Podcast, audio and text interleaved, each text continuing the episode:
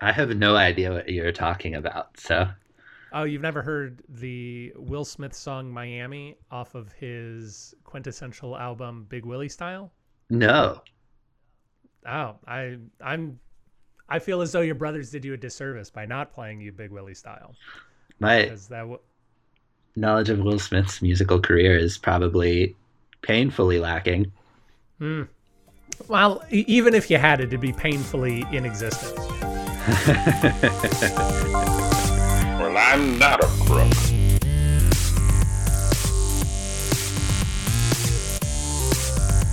But because they are hard. Welcome to Presidential Deathmatch, the only presidential debates that matter. Today's headlines political violence, rents are too high, and litmus test for progressive politicians. Thank God we left all that behind in the 1800s. Today we explore who would be the better fundraiser, Samuel Tilden or Wharton Barker. All that and more on today's Presidential Deathmatch.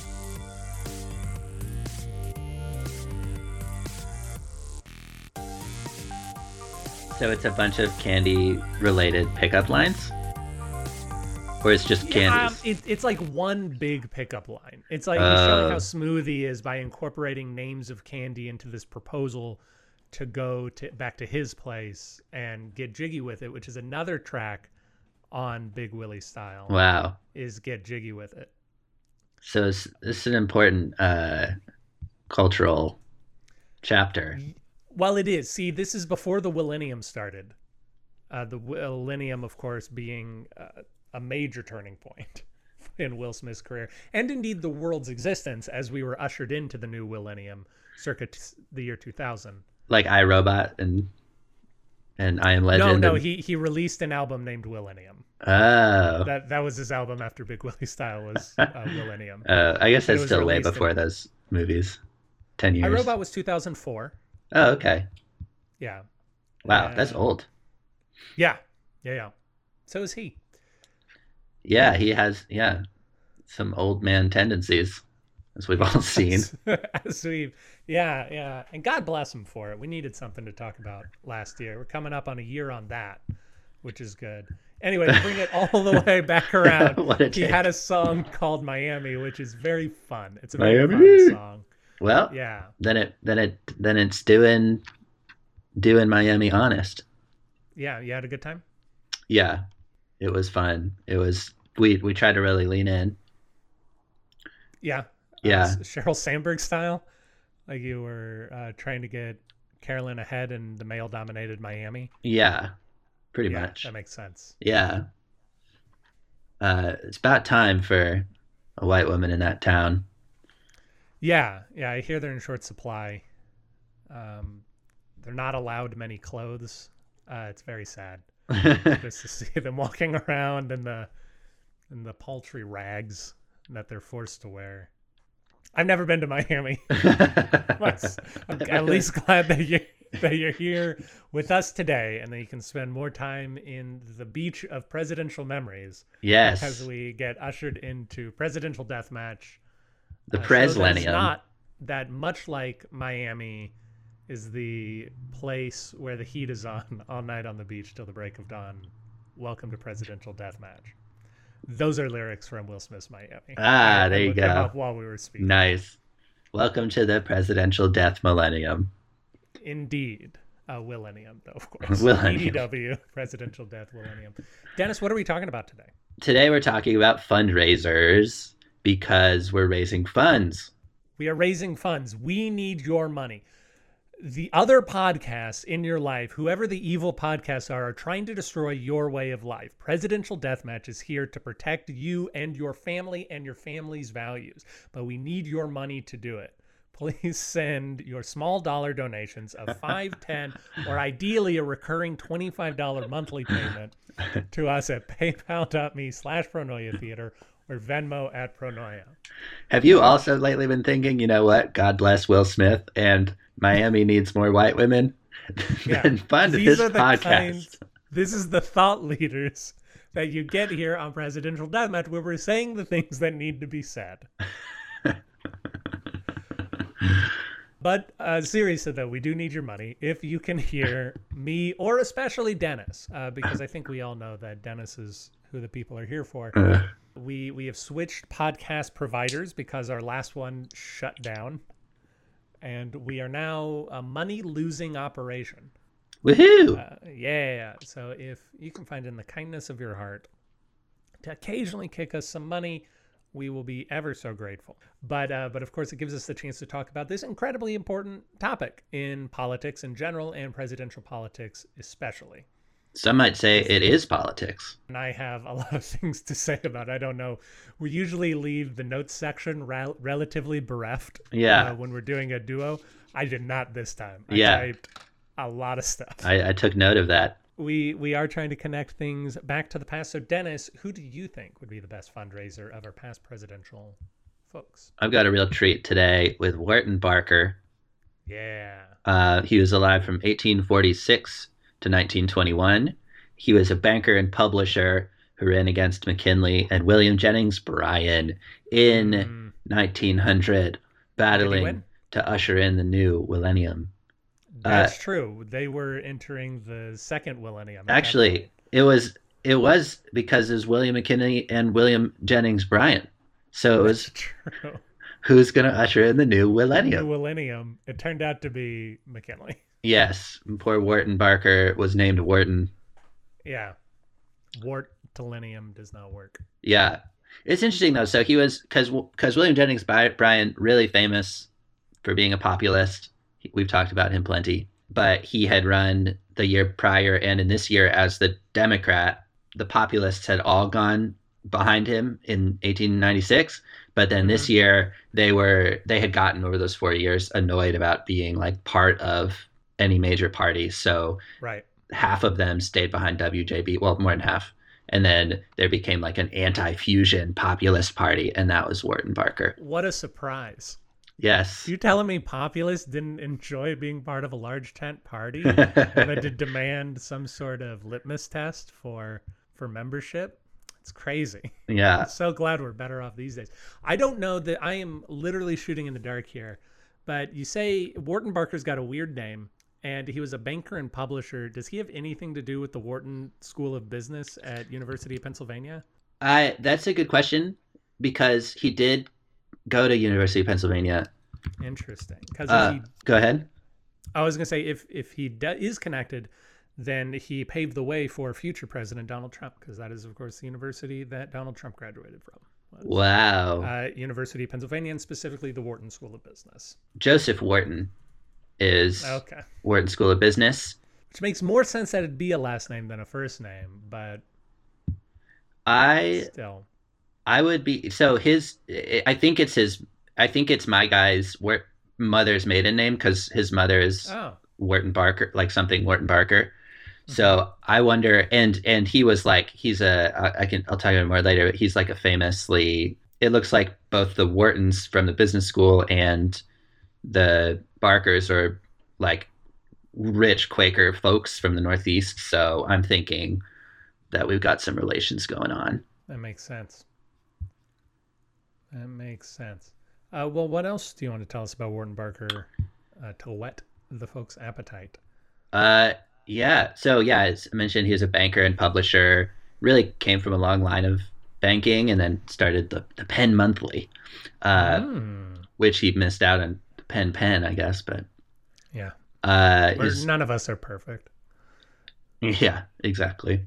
I think yeah, and like I said, p- populists. So they his the new anti-fusion populists got into like fiat money, maybe more than free silver. Even it was about just having money be like it is today, just not backed by anything. And then they wanted to have more public, make more industries government owned, and develop more protected land, which is all things that presumably have happened. So there you go.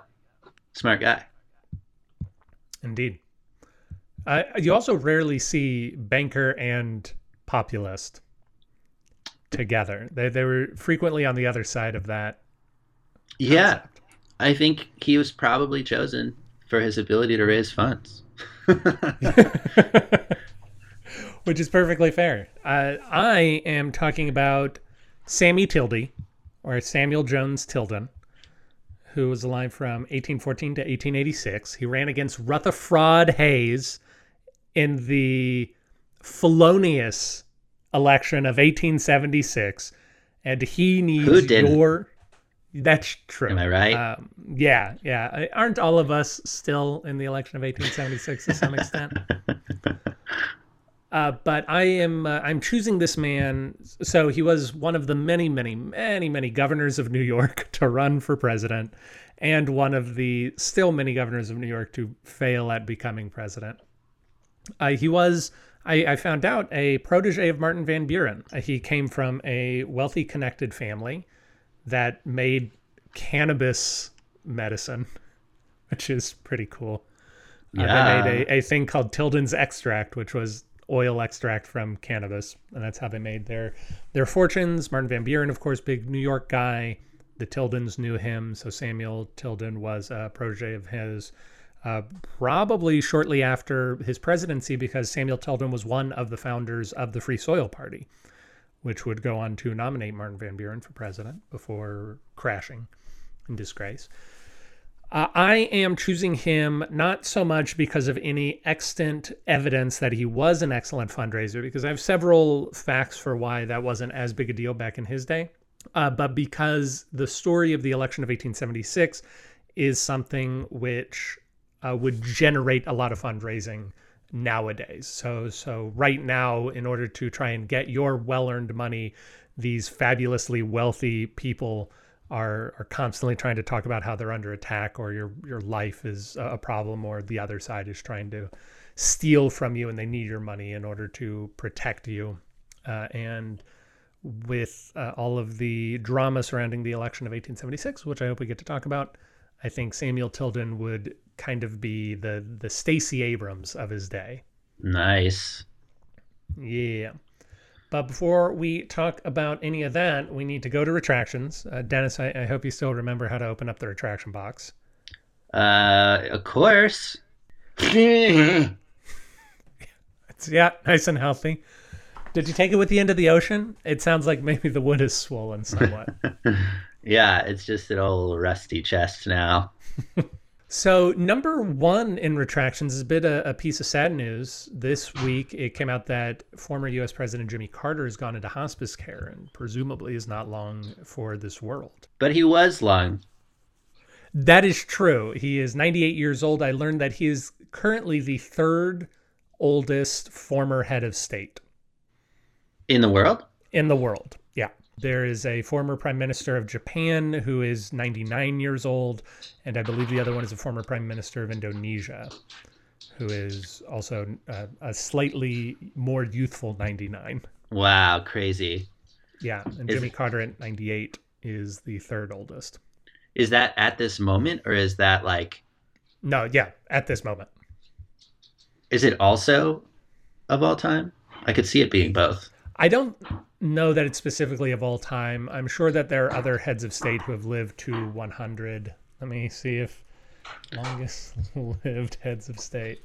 Yeah, yeah. Uh, no, it is not of all time. There's at least there are many centenarians among among that crowd.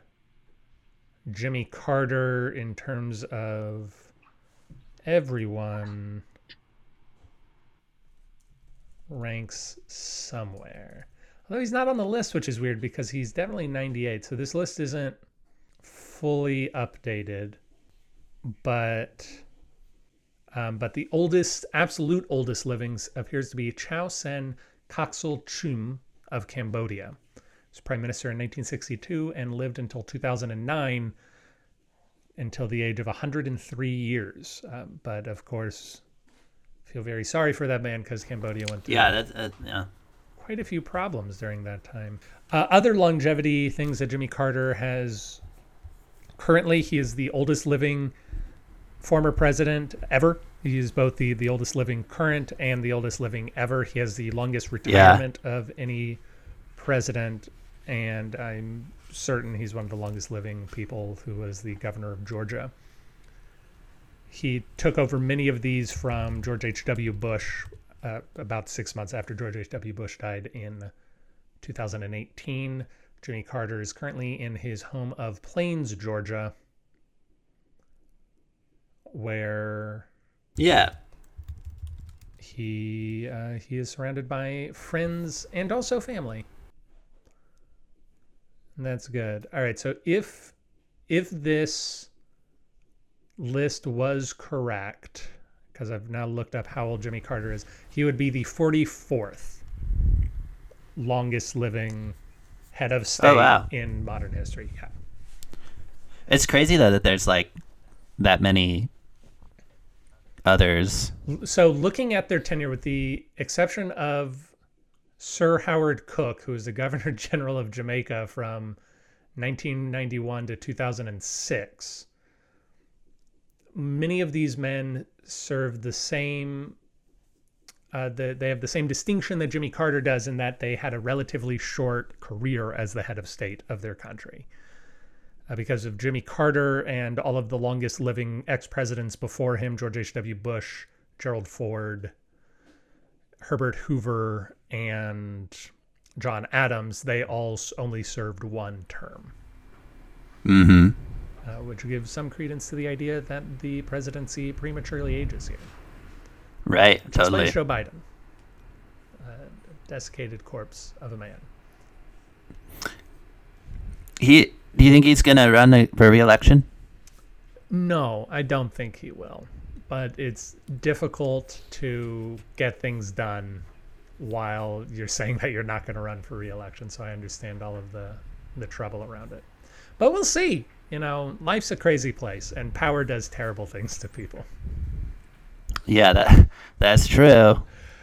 Last week, Dennis, I did an episode on the Socialist Labor Party of America. I don't know if you've gotten a chance to hear it, but unsurprisingly, I ran my mouth and I said some things that were incorrect. Yeah, I haven't because uh, yeah, Apple Podcast I think still syncing up. Yes, so we need to. Uh, that that's good. Before we talk about that, what we should know is that when we switched from podcast providers, uh, Apple is the only provider that stopped updating entirely. So you're actually going to have to go into Apple Podcasts and search for Presidential Deathmatch again because we have a new RSS feed. Ah, okay. Spotify updated. It looked like Amazon updated. It looked like Google Podcasts updated. Apple Podcasts did not, but there should be now a new feed for Presidential Deathmatch that has the latest two episodes. Okay. So luckily, I caught this mistake in editing, and so I managed to almost entirely scrub it from the episode itself. But when discussing the Socialist Labor Party, I noted that they rarely used the word capitalist to describe our system in the late 1800s, and they would frequently use the word competitive. They kept describing the competitive economic system that we had. And I intimated early in the episode that we were going to learn a little bit about the origin of the word capitalist, because at the time I thought I knew what the origin of the word capitalist was. I included a bit about it in the episode. I learned it was incorrect and I cut it. So I thought the word Ah. capitalist was originally from a novel. And in my researching, I came across a novel that a lot of socialists really enjoyed called Looking Backward by uh, Edward Bellamy. I learned in editing that I was mistaken and I was thinking of the word meritocracy. Uh, yeah, I could see that being from a novel. Yes. It's it's from that novel. It is not from that novel. It's from a different thing entirely. So the word capitalist was actually first used in 1788 by Etienne Clavier. The first English definition came from a man named Louis Blanc, who says, What I call capitalism, that is to say, the appropriation of capital by some to the exclusion of others. And then he went on. The word meritocracy is not from Edward Bellamy's novel Looking Backward, 2000 to 19, uh, 1887. The term was originally coined pejoratively by sociologist Alan Fox in 1956 and then became popularized by a satirical essay called The Rise of the Meritocracy by Michael Dunlop Young in 1958. Young's essay pictured the United Kingdom under the rule of a government favoring intelligence and aptitude above all else. And his argument was that if you had a society that was successfully built upon this, then there would be a lot of contempt for the lowest members of society because they're not as smart. Right. And that, that breeds sort of anger and resentment and unhelpful feelings towards the needy in, in our culture. Yeah. It's best just to believe that everyone's got their own gifts. Yes, and that they're hoarding them when they should be giving them out because that's what you do with gifts. Dennis and I Uh. are getting the gift of number one, our fantastic voices. universally beloved. It's not as though people comment whenever we bring guests on that their voices are much more pleasant than yours and I. So I to listen to. Just let them talk more, please. Yes, They sound nice. sounds so good. Man, if only Carolyn and Jessica would get together to do a podcast. That'd be fun. Yeah, Carolyn has a great voice. Yeah, for sure. You know who didn't appreciate Carolyn's great voice? The people of Miami, because they hate white women. Yeah. that is the joke we are going with. Lean in. Oh boy, I think that's all for attractions at the moment. Well, we did. I did also want to mention that you'd never seen a Super Bowl. Oh sure. Uh, A- the the last episode we all recorded together was the Super Bowl episode. I did not mention during that that I had never actually seen a Super Bowl, which is now no longer true. Now I've seen half of a Super Bowl, ah, which half? first half, and then I went home and watched The Last of Us. So it didn't win you over then. Well, I had to go home. I, you know, these things are so long. I hate football. I think football is a is a terrible, to terrible game. It's a boring game that is slow and stupid. Played by Well, there you have it. oh gosh, not not a fan. What about presidential history? President. Now there's something. now there's a game we can all get behind. Let's not. No one leaves during halftime of a presidential No, they're called the midterms, and everyone universally loves the midterms. The did you? What about the halftime show? I did not see the halftime show. Rihanna's halftime show. I had to leave before it started, and I don't care about her. I loved it. It was good? I, yeah. Cont- She's great. continuing to maybe prove your thesis that you are out of touch, that now you have finally aged into the halftime show. Yes. Oh, I felt that so hard. Excellent. Carolyn also just texted me to say that literally everyone leaves halfway through the presidential debates. and she, she wants to clear the record for Yeah, which is a, regular a shame because we were just talking about how great her voice was. She should just come and say it on the mic. but I'm sure she's got other things to do. Dennis, Yes. let's close up the retraction box and get to complaining about fundraising. Yeah.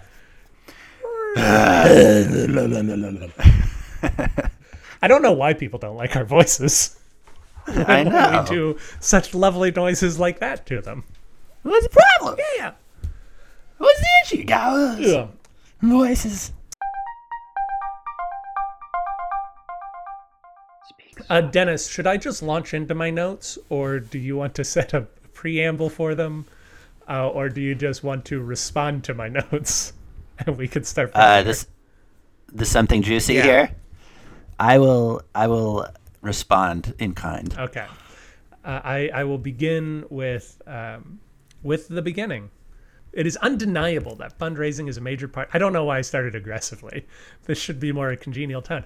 Uh, hey, everybody. So it's undeniable that fundraising is a major part of being a politician. Hey, Hey, hey, guys, let's talk about our, our, Hey. our system of, of worth and merit, how we move money around, and, and whether we're uh, money either precedes or succeeds success in an industry. All right? Let's just gather around and have a nice little chat about that.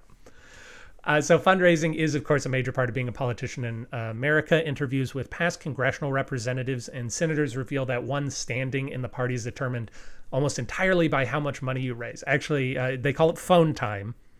It's a it's a thing that's marked out in every congressperson's or potential congressperson's schedule called phone time, which is just here's a list of phone numbers of rich people. Call them, get their money.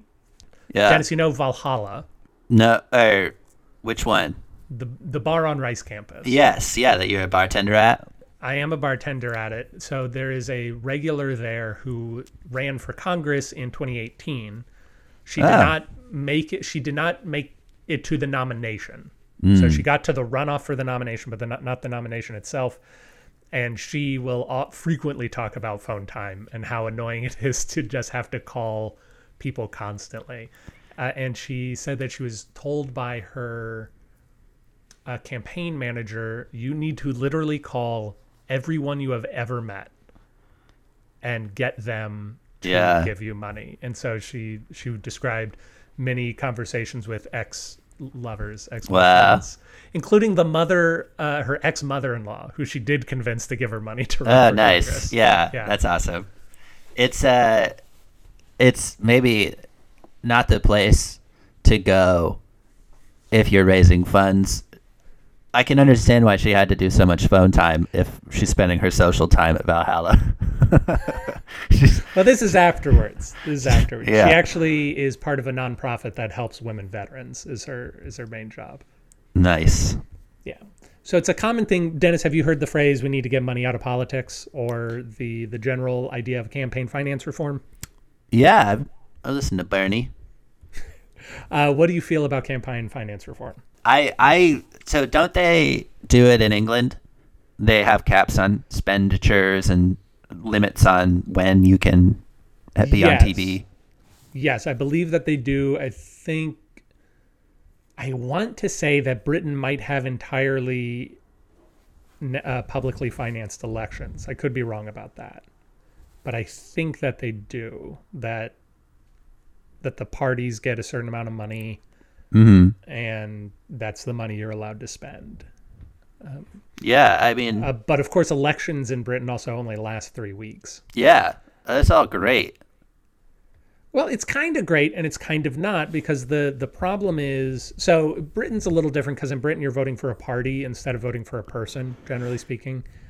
Right. I don't think that they have multi-member districts, uh, but that problem is even more pronounced in municipalities where they have multi-member districts, which is to say, instead of voting on one person, uh, you are voting for a party, and then the percentage that that party gets determines how many people they send, and then the party chooses which people they're going to send. But the the problem is that a, a three-week election cycle would be grand except that we know that it doesn't exist that way and it it just ends up favoring the people that people already know. There's there's no way for an outsider to get in if you only have three weeks to convince someone whereas if someone's already been around or someone has high name recognition like a donald trump or a hillary clinton you, you basically block out the ability to get barack obama's. Yeah, I if see you have that kind of thing. I see what you mean. But it's a very sticky issue. I Yeah. our system, our constitution was written with the hope that parties wouldn't exist. That didn't happen. Yeah. But other constitutions were not written with the same belief. They thought parties would exist, and so uh, a lot of other electoral systems are set up with the idea that parties are going to send things out, and so they work a little bit better within a party system. Whereas we still have this semi-fanciful notion of individuals running, irrespective of party. Granted, that does sometimes happen where, in say Nevada, you had people vote for a Republican for governor and a Democrat for senator, or uh, the same actually happened in Georgia. The, in this last election cycle, they voted Republican for governor and a Democrat for senator. But most of the time, we're seeing over time more and more people drift towards voting for one party. What else about campaign finance reform is on your mind, Dennis? Yeah, I I did it does bum me out a lot. It's like uh, it just seems like so much money Yeah. that could be going to and it's like yeah, in a way it's like literally useless. I see how it's important in some ways, but it does seem like there's a lot of things that could be done to just make it all less money and then get all the same results. Yeah, I don't. I, may, maybe you can convince me. I don't know how you do that without curtailing freedom of speech. Number one, and I'm a big fan of freedom of speech Mm-hmm. because you would either have to say that you can't advertise politically anywhere. You can't advertise politically on television or radio. You could only do it face to face with people. Or we would be in a place where, like, wink, wink, we're not doing any political advertising, but really, we, we all know what we're talking about. Because the, the problem is, people wouldn't do it if it didn't work. Mm-hmm. Like the, these are the actions that successful candidates go through, which means that on some level it's what people want because it is what people are responding to. Yeah. And that's more the frustrating thing is that we don't have a, a culture of going out and really testing our political representatives or looking into the issues or looking into people's beliefs. Yeah. Granted, none, uh, as far as I'm aware, none of my congressional representatives have ever thrown a town hall meeting when I was able to attend. Most of them don't uh, throw them at all. But I've never gone to I, like I'm very plugged into who my congressional representatives are, and I've never gone to an event of theirs. Right. But uh, I'm going to read you. I, I assume you've already read, but I'm going to read you the general argument for campaign finance reform, and then I'm going to try and argue against the uh, foundational beliefs of why they think we need it. All right. All right. You feel free to interrupt me at any time. So, the general argument for campaign finance reform is factually, this is a fact, the candidate who spends more money usually wins the election. So, people say the, the prototypical campaign finance reformer will say the candidate who spends more money usually wins. Then wealthier candidates or more well connected candidates have an advantage which isn't able to be overcome by common men or working men or, or other folks to, to get a diversity of ideas in there, the, the regular citizen. In effect, money buys attention and attention gets votes. Therefore, we need to limit spending so that certain people, but basically so that people can roughly buy the same amount of attention. Now, the main problem that I see with this is you don't have to look very far to find exceptions to it. Current Representative Alexandria Ocasio Cortez won her first primary in 2018 against a well funded, deeply embedded rival. In his first run for the presidency, Donald Trump famously underspent both his uh, primary opponents and his general election opponent, and he won that race. In 2021, truck driver Ed Durr beats New Jersey Senate President Steve Sweeney, spending less than $10,000 total on his campaign. These were all very hard fights against better connected, well established politicians. And in the case of Alexandria Ocasio Cortez and Ed Durr, they didn't have name recognition to help, even help them. A person could say, well, we knew who Donald Trump was. And like there was a cultural identity uh, there. Um, and then simultaneously, it is not hard to find examples of very well funded candidates failing. Between 2018 and 2020, uh, all of these people that I'm about to name raised far more money than the general election candidate they were going against, but they failed to win their election despite having high name recognition and media attention. Both uh, Beto O'Rourke and MJ Gallagher in Texas ran against Ted Cruz and John Cornyn in 2018 and 2020, respectively. They both raised a lot more money they both lost. Amy McGrath running in Kentucky against Mitch McConnell. Stacey Abrams in her first governor's race versus Brian Kemp. Sara Gideon in Maine in 2020. Uh, Mandela Barnes in Wisconsin. I believe Tim Kaine in Ohio also raised more money than J.D. Vance, but I could be wrong about that. In the 2020 Democratic primary, Michael Bloomberg spent $1 billion in his four month campaign, which only won him American Samoa. An eventual winner of the entire election, Joe Biden, spent that amount of money, $1 billion, on both his primary election campaign and in his general election campaign. None of this is counting super PACs. This is all counting just money spent by the candidate themselves. So I think it's clear that being well funded isn't a sufficient condition for winning. But if it's true that the better funded candidate usually wins, what else could be behind it? And I would say instead of thinking that the better funded candidate wins, the, the candidate who raises more money, it is more compelling to me that the better candidate, the one who excites voters the most, naturally accrues more donations because they're reaching people and convincing people to give them their money and they can use that money to boost their message that has already excited people. So instead of money buying attention which then leads to votes people are um, uh, earning attention, which leads to money and to votes. And if you're successful at getting people to give you money when you're a politician, which most people dislike, then you're probably a compelling candidate. And if we use that idea to look at all of those big Senate races where the well better funded candidate lost, we can see that O'Rourke and Gallagher, McGrath, and Sara Gideon all got most of their fundraising from outside of their state, which is to say they were getting most of their money from people who weren't their constituency or their voters. Yeah. It makes sense that, yeah, that like it's not the only thing for sure. And that makes sense too, that it's like, yeah, but it, I guess, yeah, it'd be interesting to look at like people how much they're raising that actually is coming from their constituents and compare that. Yeah, that's true. Also, yeah, and also like I I tend to think about like with people who like succeed or like you know a good movie that it's really a matter of like everything going right rather than any one thing. And I feel like that's sort of what you're identifying too is that like people winning in a lot of these cases if it if it's not the person who raised the most money, it's because there's a number of other factors that they really crushed as far as their Right. brand and everything else.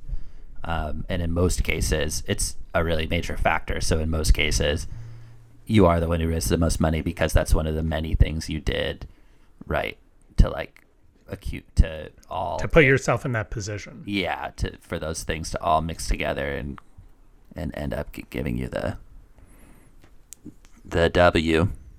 So, Dennis, would you like to talk about Wharton Barker some more, or should I go into this um, sort of history of the importance of fundraising in American history? Wharton, he's I think it's he's definitely uh, fits in so well with sort of thinking about politicians in this way of just a lot of the times being mega wealthy and such and having their family connections and everything. He's an early example of all of that. His grandfather was Jacob Barker who raised 5 million dollars for the US for the war during the War of 1812. Nice. So like It comes he from a long line of fundraisers. Exactly. Uh, and that his grandfather was like a cousin of Benjamin Franklin or some something similar to that. Uh, like yeah, as I mentioned, that Quaker New England situation going on. So, uh, had a lot of influence from that, but was sort of on this just like businessy side of all the politics and everything. Uh, so Wharton Barker's the grandson there, but like you could tell that it's very much that tra- he's still living that tradition. So he he went to Penn, and he was presumably a banker with his brothers, unless it was his uncles, because it was called Barker Brothers Bank. Yeah. So, and then randomly, like that banking firm, I guess because it was also, you know, very much involved in politics, ends up getting hired by Russia, and he like gets all these warships for Russia in a war against Turkey, you know, funding and stuff. So then he got he got like he got he has like a Medal of Honor from like the Romanovs. Yeah. That never goes out of style. Yeah. yeah, I guess. Yeah, it is true. It's like all these things that sound kind of like modern. It was it was eighteen late. It was the Gilded Age. Yeah. Um, so Samuel Tilden has a, a pretty similar story. Also comes from a well-connected family. Also comes from a very rich family. Tilden's extract, like I said. We both chose well today. We did. Uh, we did. Do you have anything else on Wharton Barker? He he was also like an impressive person.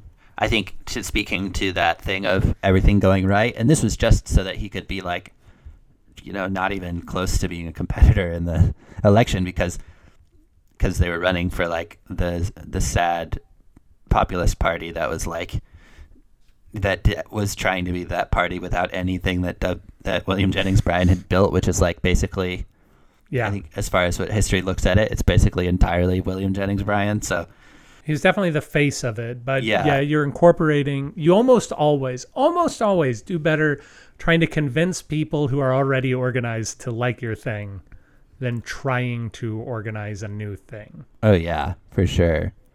But yeah, it's, it's interesting though because big part of the reason they became the anti-fusion faction is because a lot of populists joins with the Democrats, and mm-hmm. but the Democrats to try to like hurt the populists because of because it was sort of before they had like fully joined with the Democrats, and then also uh, some populists were also Republicans because it was kind of random Right. where they were doing whatever was strategic in their part of the country.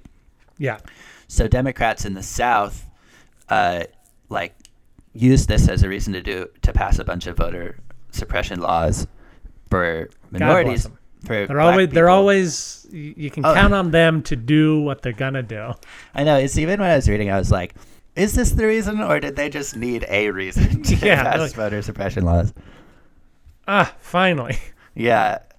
So they were like, oh, lots of the black community is populist or is like leaning into this the populist side of things. So that's passed some suppression laws so that it hurts the populist yeah. uprising. Yeah, I mean, why? I wonder why a group of uh, black voters would want to empower the the individual more Yeah. than the system itself.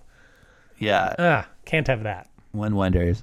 But it, inter- it was interesting because that sort of became part of William Jennings Bryan's downfall because a big part of what he tried to do in the campaign was was turn people against William McKinley because of how the Spanish American War had gone in the Philippines because the Philippines part of it had gotten kind of long and drawn out and violent. And so at the end of the day, he had a war and so he was reelected, but he like there was it was a little bit more of mixed feelings about it. And so William Jennings Bryan used this thing of like why are we so, why are we being so imperialist? Why are we having wars? Nobody likes this. Like vote for me kind of thing, which was Yeah. a good strategy. And Teddy Roosevelt was the new vice president and he's of course great at speaking like as so it was kind of him versus William Jennings Bryan uh, in a lot of ways and William and so he comes back with like with like yeah they're like we got through the Philippines but like we got out there and did what had to be done. Like William Jennings Bryan is literally letting these things happen on our home turf in the South as part of the Democratic Party with like the violence going on against black people. And look at all these voter suppression laws that they just passed. So he kind of used that same thing against uh, to like, which is also a classic argument you see where it's like, where it's like, why are we talking about international relations? Look at your home turf. But it like is sort of in a way because I'm I don't think William Jennings Bryan was personally someone who would have passed voter suppression laws. I guess No, probably not, especially knowing Nebraska. Yeah. So he's like, sort of like his downfall was the Democratic Party, but at it, but at the same time, he never would have been elected as a pure populist. The so. populist, sure. Um, but anyway, so that the Democrats being bummers like that was also why populists sort of decided that they were done trying to be part of another party. This, at least this smaller group of them, and so that's why they decided to run their own candidate in 1900. And they were like, "Who's the person that can get us furthest? Who can raise the most funds for us quickly to suddenly make a new populist party?" The- Suddenly, it's the time for the bankers to be the hero. Yes. And Wharton Barker was just like, anything that makes it so that there's more dollar bills would be good for me. I have a magical ability to make money appear. I was going to say Samuel Tilden, uh, similar, dissimilar story. He became a famous corporate lawyer. Uh, you know that that class of people that everyone in America loves, corporate railroad lawyer. Yeah. He, yeah, he was an initial ally of Tammany Hall, but he appears to be very affected by corruption. So he's going to make a lot of his name on rooting out corruption, like corporate lawyers frequently are known to do. He became governor of New York in 1874, and he became popular for exposing what was called the Canal Ring, which is, I I feel like just what America is now. Do you, do you know what the Teapot Dome scandal is, Dennis? You, do you remember? Teapot Dome scandal during Ulysses S. Grant's presidency. No, it's Harding's presidency. Oh, But- oh, right. Okay. I was thinking of the other one. So that one was the one where it was just also corrupt in the classic 20s kind of way. And Exactly. then if and one of the sort of the culmination of it all was when they found out that uh, Harding and his peeps were taking bribes from oil companies to let them for drilling on public land. So the canal ring that Tilden exposes almost the exact same thing, but it's with New York canals. They're taking bribes to give uh, projects to a variety of companies, and those companies charge very little for the major construction of the canals, but they charge an exorbitant amount for minor repairs, and that's how they kind of sneak around. Samuel Tilden exposes this, and he does a very good thing, which I think shows his uh, his canniness for fundraising, and that he brings the issue to the people. He personally appeals to the people to get them angry about the situation because he's just says everybody knows this is happening in the government. The reason it keeps happening is because you don't care about it. Here's why you should care about it, and then they eventually did. He was you go. skilled at the main thing that was needed in the day, which is county organization and connections, which I do want to talk a little bit about how we got from ward bosses in the 1800s to small dollar donations today. I wrote a little thing in the notes about that. Um, so I, I think it stands to reason he can use those same smarts for, towards fundraising. Uh, this has very little to do with anything that we're talking about, but it was an amazing story about the anti-rent war, which is a thing that happened in our country's history. Uh, apparently, New York State. There's a whole where- musical about it. yeah, yeah, exactly. Jonathan Larson updated uh, Samuel Tilden's anti-rent war into his epic "Tick Tick Boom." Yes. Uh, so, Dennis, apparently we used to have feudalism in this country, which I thought w went out of style in the Middle Ages, but it is still a system of land development that the states had during the colonial period, where you Wow. would have cheap leases on land, and part of your job was to work the earth and then pay the owner of the estate. And this is apparently very in vogue in upstate New York at the time. And uh, Hey. yeah. But there is a long story that I won't go into. The upshot of it is that there's a guy who lets his tenants build up a lot of debts because he's kind of nice. And then when he dies, people come to collect on those debts. And then the people who owed those debts freaked out because they assumed that when the guy died, their debts would just be erased. Uh, And there was a- that. Yeah, there was a stand up, uh, like a, a fight. There was a fight that happened where the uh, the tillers of this land fought back a team of 500 men from the sheriff's office. Whoa. To, yeah, which is crazy. But the entire thing ends with Martin Van Buren's son fist fighting another lawyer in court.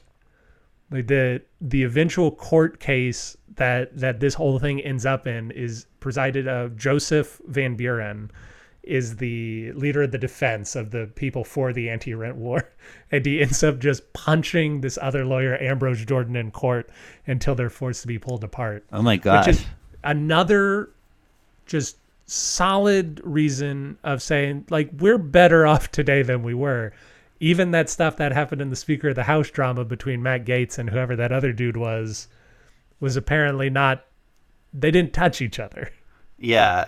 we had lawyers literally punching each other in the face The millennium was actually back then. yeah yeah this was the true millennium Yeah. Uh, Samuel Tilden is always a sick guy. He he has bad health. This forces him into the background of politics in 1877. Although he still had great influence in the Democratic Party, he eventually gives all of his money when he dies to fund a free public library in New York, which is cool. Hey. Yeah. And during the election of 1876, yeah, I said, uh, man, this episode's going long. Y'all remember the election of 1876. There was widespread voter suppression from both the Republicans and the Democrats. The Democrats were actively attacking black people and keeping them from voting. And then the Republicans were falsifying voting records in order to say that they won counties. So both both really bad things. You shouldn't falsify records, but you also shouldn't keep citizens from voting. And the whole If- thing ended up being just decided by a bunch of guys. Yeah, which was its own thing. I, I dug into the Electoral Commission a bit more this week. So it was supposed to be seven Democrats, seven Republicans, and an independent. But the guy that they chose to be the independent, as soon as he was chosen to be the independent, uh, Illinois said, "Hey, you want to be a senator?" And he said, "Oh yeah." And they said, "Great, you can't be on the commission anymore." Then he said, "Okay." uh, and then they picked a, a new guy who was a Republican. Classic. Yeah, but uh, Tilden showed uh, some some weakness in leadership at that time. That he's apparently very indecisive about how he wanted his uh, his delegates to act. Delegates is the wrong word, but the men in D.C. who are trying to protect this thing for him. Although he is commended for uh, choosing to abide by this potentially erroneous decision made by the electoral committee and uh, and to stave off violence, which is more than I can say for some presidents in our history. Yes. Uh, Tilden's gravestone still bears the words, "I still trust the people." There you go. Yeah. That's that's nice. Yeah, never stop. Stacey Abrams style, never stop complaining about that time that you lost. Yeah. All right, Dennis, I'm going to read this thing on how we got to fundraising today, and then we can we can deal with any additional thoughts that we have. All right. All right. So, uh, money has always been important in politics because that's our medium of exchange. However, back in the past, the early to mid 1800s, that wasn't the most important thing you could do for your party. These days, if you want to be a major player in a party, you have to raise money for the party and then give it to them. They um, they will actually give you a bill. The Democrats, if you are in Congress, the Democrats or the Republicans will give you a bill and say, hey, to keep your committee assignments, you need to raise this much money for us. Uh, but back in the past, you wanted to be a block captain, which is you you had an area and your job was to make sure that that area voted for the correct candidate. How do you do that? You can do it through bribes. You can do it through jobs. Jobs and, and patronage was a very big one. Hey, if you vote Democrat, we'll give you a free meal, that sort of thing this this is especially pronounced once we get out of the founding era uh, era proving party loyalty and ability to turn out voters is what gets you nominated. This is why Chester A. Arthur eventually became vice president is because he was amazingly good at turning New Yorkers out to vote and so they kept giving him higher and higher patronage positions. Now, with the progressive movement that Dennis talked about, an anti corruption focus of the late 1800s, more power was given to the average voter as long as you weren't black. And party machines became less powerful. With increases in media, at the time newspaper and radio is easier than ever to get a message directly to people and to circumvent, uh, shortcut but not circumvent the party process. At this point, you can start to get nominated and start to get elected even if the party doesn't like you. You're probably going to get kicked out if you don't make nice with the party soon after. It's around this time, the early 1900s, that wealthy patrons began to have greater sway. People that we would recognize now as like the William Randolph Hearst. They they have a lot of money, so they are able to give that money to these candidates who are able to shortcut the party nomination process. Now, the latest change to the topography of fundraising came in the mid 2000s with online outreach. Now we are in the era of what we'd call small dollar donations, where you can allow an aggregate of a lot of donations match the strength of big donors or corporate money. And the value of this is you can start shifting from trying to make those private donors or those corporations happy to um, trying to provide public goods so that, so that people keep giving you small amounts of money. A lot of people give you small amounts of money. This is Bernie Sanders' thing. He kept bragging about how many people were giving him money as opposed to how much money he was raising. Democrats have had some form of Act Blue, which is their small dollar donation platform, for 20 years, which is giving them advantage in the small donor space. The Republican Party didn't coalesce around a small donor solution until 2019 with Win Red. So they've only had two election cycles with an ability to really capture small dollar donations, unlike the Democrats who have had it for 10. Interesting. I wonder if that's part of like why we've seen like I wonder if that's affected the success. I think undeniably because Yeah. you have uh, Al Franken in his book Giant of the Senate, which is a very good book. I recommend reading it. He talks about how the Democratic Party didn't want him to run Right. because and but he was able to prove at least partially through small dollar donations that he could get a message out to people. It also allows for nice stunts like Bernie Sanders and Elizabeth Warren saying they're not going to take corporate money while still being able to remain viable as candidates, still able to raise the money.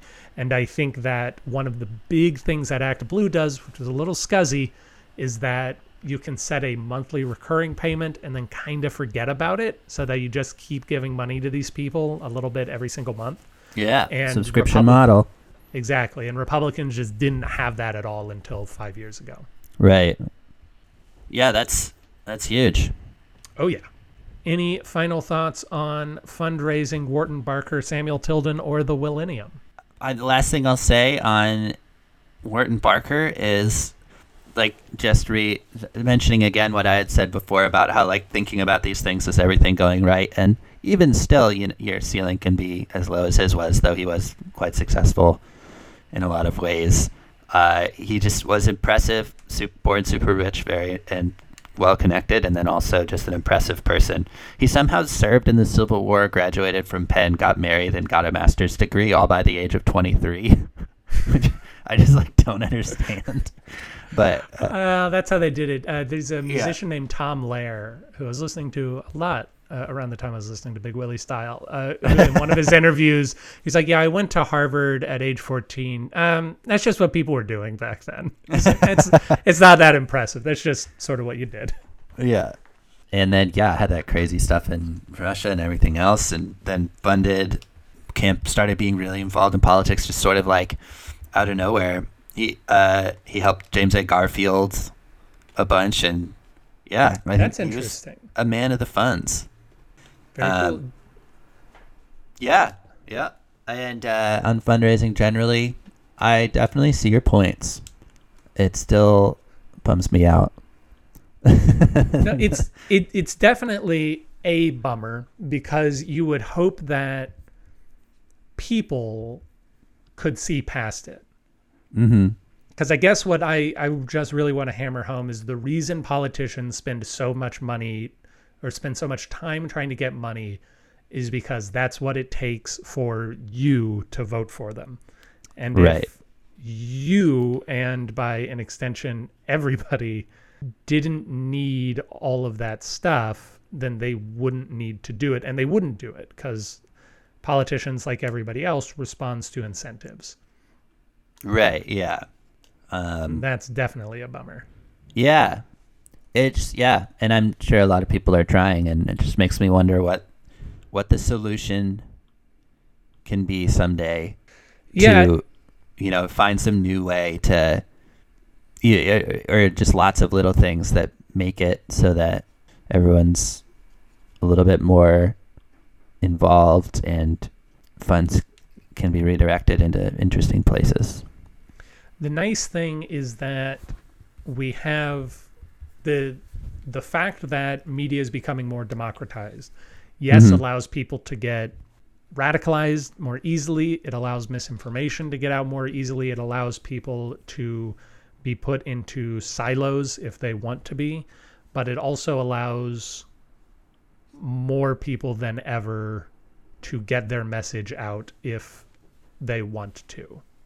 And eventually, someone's going to figure that out. And eventually, we are going to have a Senate candidate or a president candidate or a House candidate who does everything off of YouTube or does everything off of a podcast, who successfully runs in that way. And I think that will be an interesting day. Yeah. It seems like those kind of changes only happen in the midst of utter chaos. Like they're they're they're the result of someone finding an opportunity that's like kind of a freak accident in the midst of of crazy changes happening. I And think we like- only remember it that way Yeah. because we wouldn't say that about to bring it back Jimmy Carter, who was one of the first guys to find how to use the new primary system.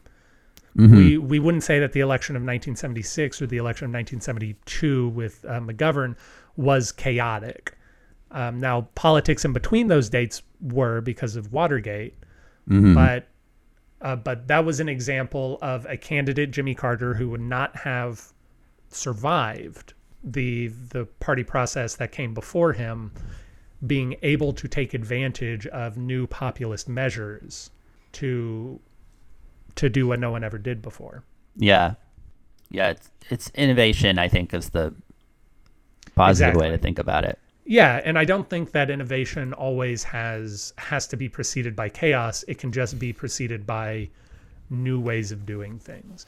I mean, we even see that with the fact that in the last 6 years political ads have moved more from sort of boring stuff to more interesting pieces of artistic expression that is designed to make you want to share it with people. And so Mhm. if you know, even though she didn't win, there was a, a Texas congressional candidate who just did a really amazing video, and it would have made me want to vote for her had I had I been in her district. Right. Yeah. Some good things. Yeah, and we'll see what happens. Yeah, I'm uh, uh, always remain optimistic about our chances because I, I I tend to think that on the whole we we go towards better things. And we're in kind of a, a ditch right now. But I think we're gonna get out of it. If we want to. Maybe we don't want to. We'll see. And that would be disappointing. Uh, but very cool, Dennis. Always a pleasure to speak with you, sir. And You as well. I'm excited to talk to you next week about War Kings. Yes. Ba-da-ba-ba-ba-ba. Ah.